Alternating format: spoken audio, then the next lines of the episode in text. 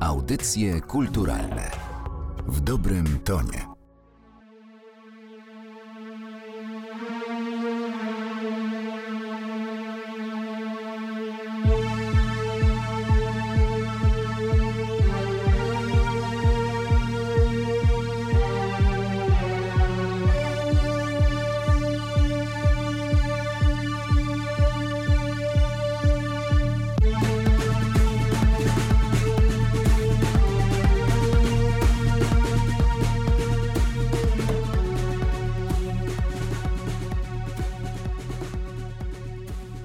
Słuchają Państwo podcastu Narodowego Centrum Kultury przy mikrofonie Marcyna Matwiejuk, a dziś moimi gośćmi są Marek Pędziwiatr oraz Marcin Rak, czyli Latarnik oraz Cancer G, których znamy m.in. z takich zespołów jak EAPS czy Błoto.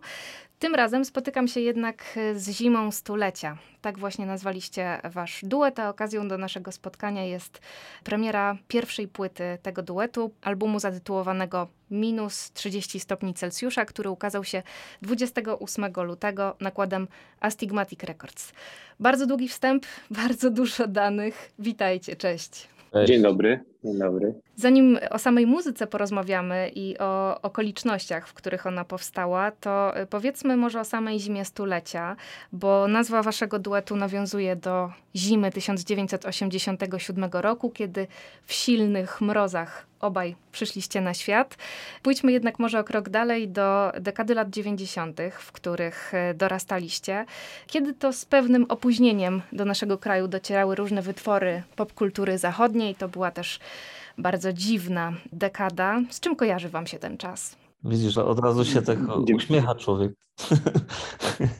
Wiesz, no, każdy czas jakby dzieciństwa gdzieś tam, bo to jest nasze gdzieś tam dzieciństwo, taka wczesna młodość, kojarzy się dobrze na pewno, chyba, że ktoś miał jakieś złe perturbacje w przeszłości, ale no, no nie wiem, czy ja, czy Marcin, tak jak sobie rozmawiamy, wspominamy różne rzeczy, to dużo też faktów się pokrywa, nie? mimo to, że nas wiele kilometrów nas dzieliło, to w wielu aspektach przeżyliśmy podobne rzeczy, oglądaliśmy podobne rzeczy, słuchaliśmy podobnych tak. rzeczy i rozumiemy ten klimat gdzieś lat 90.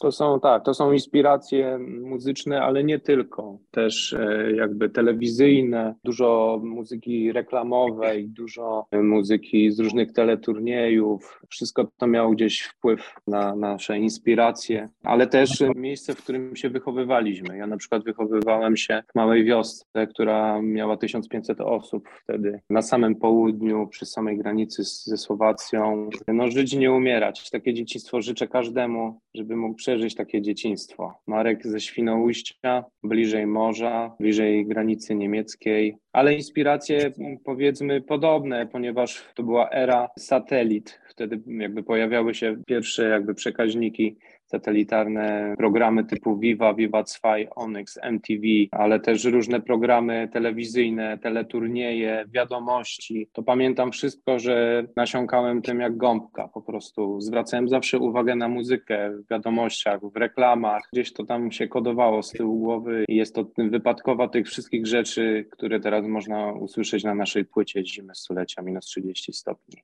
To jest taki czas, w którym ta szara polska rzeczywistość w końcu zaczęła nabierać kolorów, ale chciałam jeszcze Was e, trochę pociągnąć za język, e, jeśli chodzi w ogóle o samo założenie Zimy Stulecia, bo do Waszego pierwszego muzycznego spotkania doszło kilkanaście lat wcześniej, zanim stworzyliście ten duet. Jak zapamiętaliście ten moment tego pierwszego muzycznego spotkania, pierwszego wspólnego grania? Myśmy ten duet stworzyli od razu w 2006 roku. Nawet jeszcze o tym nie wiedzieliśmy, że to w przyszłości będzie coś, że coś z tego będzie, ale chyba to gdzieś tak już miało być. Energia już tak jakby pokierowała sprawy, że po prostu powiedzmy po 10 latach, czy tam nawet, nie wiem, po, po pięciu chyba, sześciu, że spotkamy się we Wrocławiu, stworzymy takie rzeczy, które teraz gdzieś ukazują się nakładem wytwórni Astigmatic Records. No i robimy to, robimy to do dzisiaj. Jest naprawdę dużo rzeczy, które jeszcze można by było zrobić, ale jest tyle roboty ogólnie, że po prostu ciężko, ciężko pogodzić wszystko. Mamy też y, nie tylko zimę, ale mamy też kwintet EAPS, Electroacoustic Beat Sessions, mamy też Błoto, taki band totalnie improwizowany, gdzie się spotykamy i po prostu działamy, muzykujemy. Także czerpiemy, czerpiemy inspiracje z różnych rzeczy. Jak tylko możemy się spotykać, to się cieszymy tym i robimy to na ile możemy. Ktoś już tak przedstawił tę Tak. historię. Tak Dobrze. to wygląda. Ciężko coś dodać. To w ogóle ciekawe, że tak późno w ogóle dotarło do nas, żeby zwieńczyć ten projekt jakby fonograficznie. No właśnie, bo plan był jednak, najdłużej znamy się z Markiem, bo już y, od 2005 poznaliśmy się w Półtusku na warsztatach jazzowych. Nasza znajomość trwa już trochę czasu. Prawie pełnoletnie. Tak, tak, tak. Potem Marek sprowadził się do Wrocławia, bo go trochę namawiałem też. Mm, Potem był taki klub Puzzle we Wrocławiu, gdzie odbywały się beat sesje takie z raperami polskimi, ale nie tylko, też zagranicznymi. Zagraliśmy tego naprawdę mnóstwo. Muzycy się przewijali przez ten skład. Zostawali niektórzy, niektórzy jednak odchodzili. Ukształtowało się to w 2000, powiedzmy 18-19 roku już taki skład, który jest do dzisiaj na stałe i gramy i koncertujemy ze sobą. U nas jakby zima stulecia cały czas, cały czas istniała, wiesz, w Cały czas, tak. w tak, głębi tak. jakiegoś większego ansamblu, nie? I w końcu udało się jej wyjść na powierzchnię. Ja to- się cieszę, tak, Fajne. ja się cieszę, że ja się cieszę, że w końcu to wydaliśmy, ale zawsze powtarzam, że to miało wyjść dużo wcześniej, ale po prostu Ach. było tyle rzeczy do roboty, czy EAPS, czy było to jakieś inne projekty, nie tylko te nasze wspólne astygmatikowe, ale też Marek miał e, Nike Mars Electric Trio, ja też grałem w różnych zespołach i ciężko było się spotkać, gdzieś cały czas było coś Tak, przeważało coś i. tak, zawsze coś, coś przeważało, i, ale w końcu się udało i cieszymy się i wyszło bardzo fajnie. Jak to mówią, lepiej późno niż później. Niż wcale. Mimo tego, że coraz więcej słońca mamy na dworze, to myślę sobie, że wcale to nie powoduje, że tej zimy się gorzej słucha. I poznając ten album, w zasadzie wkraczamy na taką bardzo szeroką ścieżkę muzyczną. Ja kiedy się dowiedziałam, że stworzyliście taki duet jak Zima Stulecia, że powstał taki, no jednak dla słuchaczy nowy projekt, to się zastanawiałam, jak blisko to będzie E-Ups czy Błota, co nowego zaproponujecie. I zaskoczyło mnie to, że tak naprawdę powstał album z muzyką elektroniczną. Album, który w wielu momentach ociera się, czy jest bardzo blisko techno, czy ambientu. Mamy też oczywiście echa przeszłości, zwłaszcza takie nawiązania do, do ballad syntezatorowych z lat 80. No z pewnością sobie wyznaczyliście trochę tych y, punktów y, odniesienia. Co chcieliście osiągnąć nagrywając ten album? Jaka to miała być płyta? Nic nie chcieliśmy osiągnąć, po prostu Właśnie, spotkaliśmy się i graliśmy. Tak. Mieliśmy zabukowane trzy dni na nagranie płyty, a nagraliśmy to w jeden wieczór. Ale nie spodziewaliśmy się tego. No, myśleliśmy, że sobie będziemy to tak dozować, ale jednak No. tak się grało w pierwszy dzień dobrze, że zostało to wszystko zarejestrowane i skończyliśmy, powiedzieliśmy tak, to jest to, mamy to. No tak, i muzyka nie została w, w żaden sposób zapisana, w sensie no, przygotowana, tylko no, jest to jest 100% improwizacji. Tak. Ewentualnie później jakby coś tam bawiliśmy się trochę w postprodukcję. Dzikość tej improwizacji jest jak najbardziej zachowana, dzikość tego pierwszego dnia, pierwszego i ostatniego dnia nagrań. No i to było piękne i to jest właśnie ten format, w którym się najlepiej czujemy, czyli komponowanie przez improwizację, co też różni Zimę Stulecia od zespołu EAPS. Trochę mniej różni od Błota, bo Błoto jakby ma podobny format właśnie e, kompozycji przez kolektywną improwizację. Tak, jest inne instrumentarium trochę, jest też Tak. saksofon, jest basista, także już pole się jakby zawęża. Z każdym członkiem, który dochodzi do zespołu, jednak jest coraz tego miejsca mniej, ale jest inspirujące, jest improwizujące tu i teraz. Zima nie była przygotowana, ale jest improwizacją. Wydaje mi się, że to jest najbardziej szczere chyba tego No. wszystkiego, jak to może funkcjonować. No. Tak, bo wtedy No wychodzi tak, no.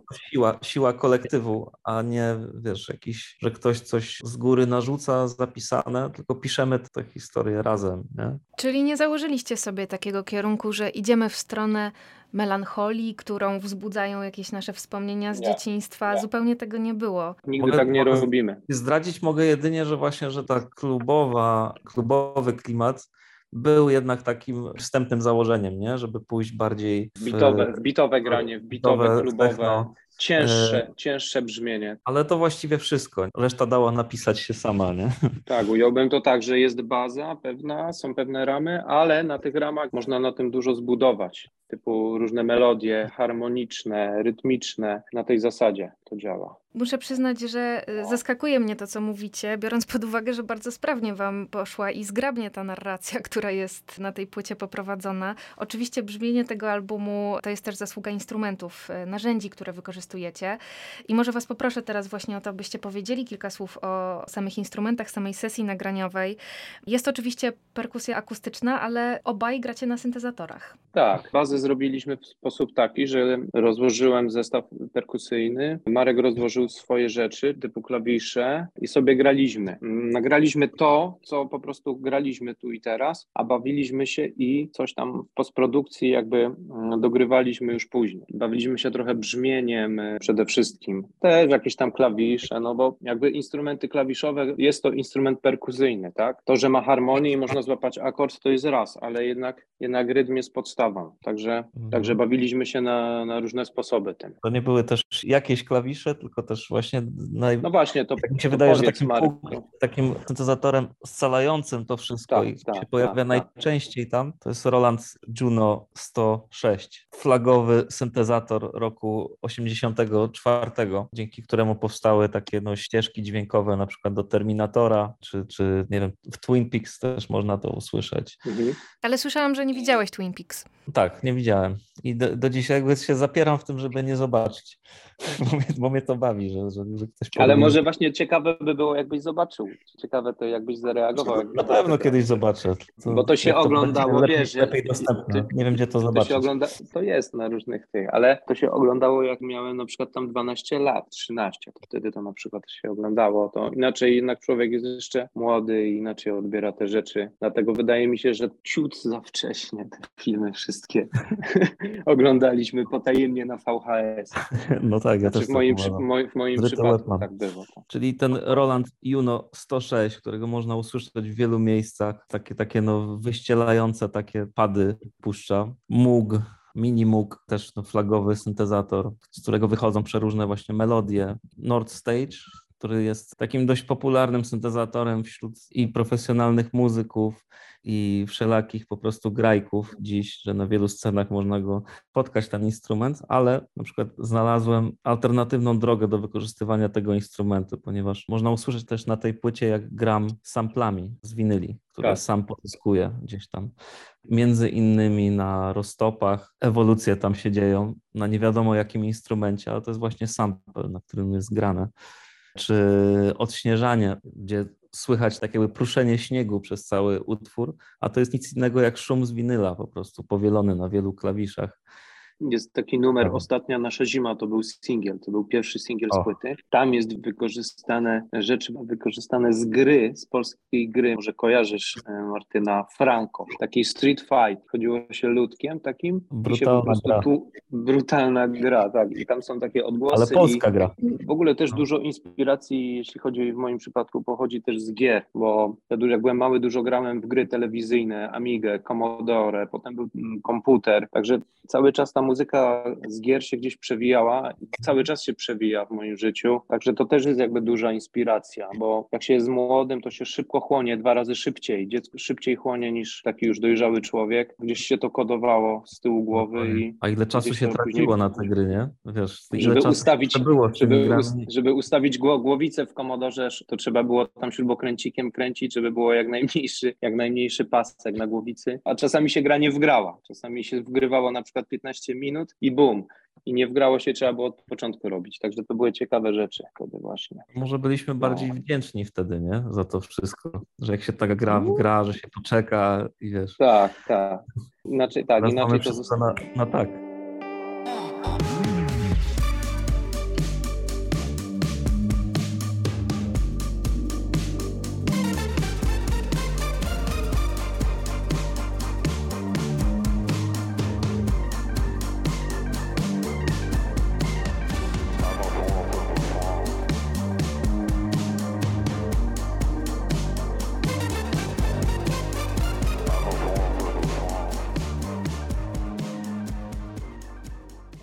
Też myślę, kiedy opowiadałeś o tych syntezatorach, że pewnie też ich barwa wpływa na to, że ja przynajmniej odbieram tę płytę jako taką miejscami pełną jakiegoś niepokoju.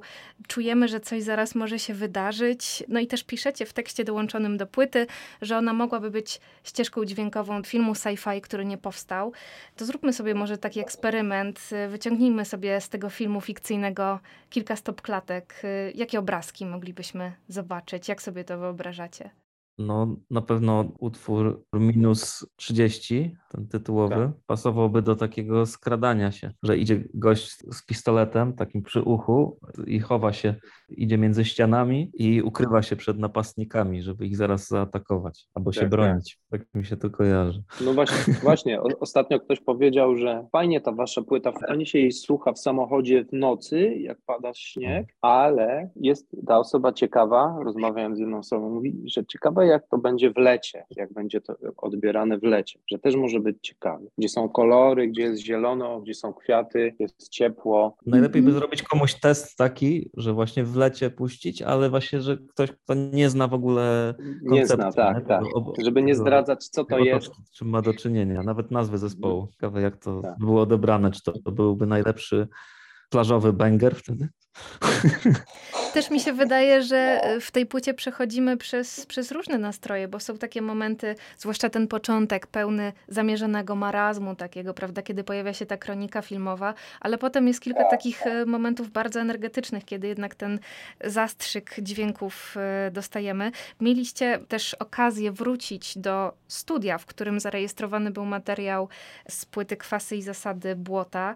I chciałam was jeszcze zapytać o to, jak e, właśnie ta przestrzeń odcisnęła się na brzmieniu? Jakie było jej znaczenie? Przestrzeń super, ponieważ przestrzeń malutka, wypełniona dywanami, bardzo niski sufit i też bardzo dużo drewna, a muzyka lubi takie rzeczy. Właściwie nie było studio. Także, tylko, to, to, nie było studio, to, tak. To, to, to, był, to było taki, taka, taki barek, powiedzmy, taki.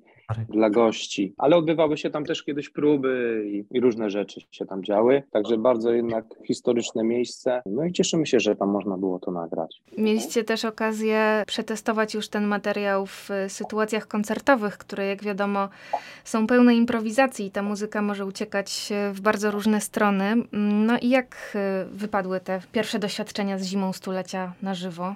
Fajnie, no. Chociaż to nie jest łatwy tak. projekt, nie? przynajmniej dla mnie, bo ja mam bardzo dużo sprzętu. Tak, to Marek musi być czujny. Pierwsze granie to graliśmy w Żaku w Gdańsku. Tak. To było dość trudne, ale się udało, nie? Wiesz, to jakoś po swojemu tak. z, tego, z tego wybraliśmy. Sobie mogę nawet zarzucić po tamtym czasie dużo takich, wiesz, błędów takich technicznych, które wynikały z tego, że po prostu coś tam źle podłączyłem jakościowo do siebie. Muzycznie zawsze da się wybrnąć z takich błędów, ale to trzeba było, żeby dojść do takiego stadium komfortu, jeśli chodzi o to wykonywanie tych koncertów, no to z koncert na koncert jest, jest coraz lepiej, nie? coraz wygodniej jak jest nowy materiał, to musi trochę właśnie być pograne, żeby A. zaczął się docierać, ale właśnie, żeby osiągnąć dwie osoby, czyli Marek i ja, żeby osiągnąć taki efekt, jakby to grało pięć osób Czasami jak puszczałem tą muzykę komuś, nie mówiłem co to jest w ogóle, tylko ktoś mówił, o, ale tu ilu, to kto tu gra, bas? Ja mówię, nie, bas, coś tam jeszcze chyba mówił, że cztery osoby. Ja mówię, nie, grali, nagraliśmy to w dwie osoby. I ludzie tak, jak dwie osoby? I to tak brzmi, przecież to brzmi jakby tu grał co najmniej cztery osoby. No i właśnie o to chodzi, żeby osiągnąć na koncertach taki lot, żeby nie brakowało, żeby było dobrze cały czas. Na samym końcu tego łańcucha są ludzie, którzy już mhm. ostatecznie ocenią szczerość tego przekazu i to się jakoś oddawało. Wiesz, podoba się to ludziom i to jest dobry, dobry bardzo znak, bo wiesz, my siadamy, gramy i nie zastanawiamy się, czy chcemy wiesz, coś udowodnić, czy tak. nie. Po prostu dzielimy się tą muzyczką naszą.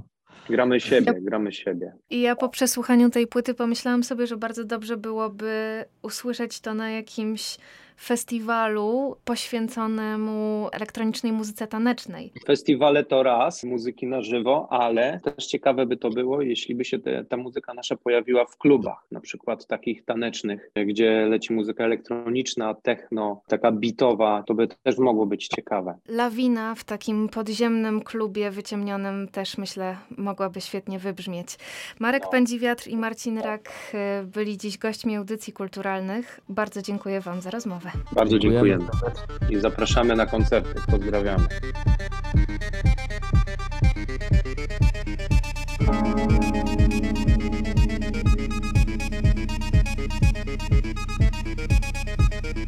Audycje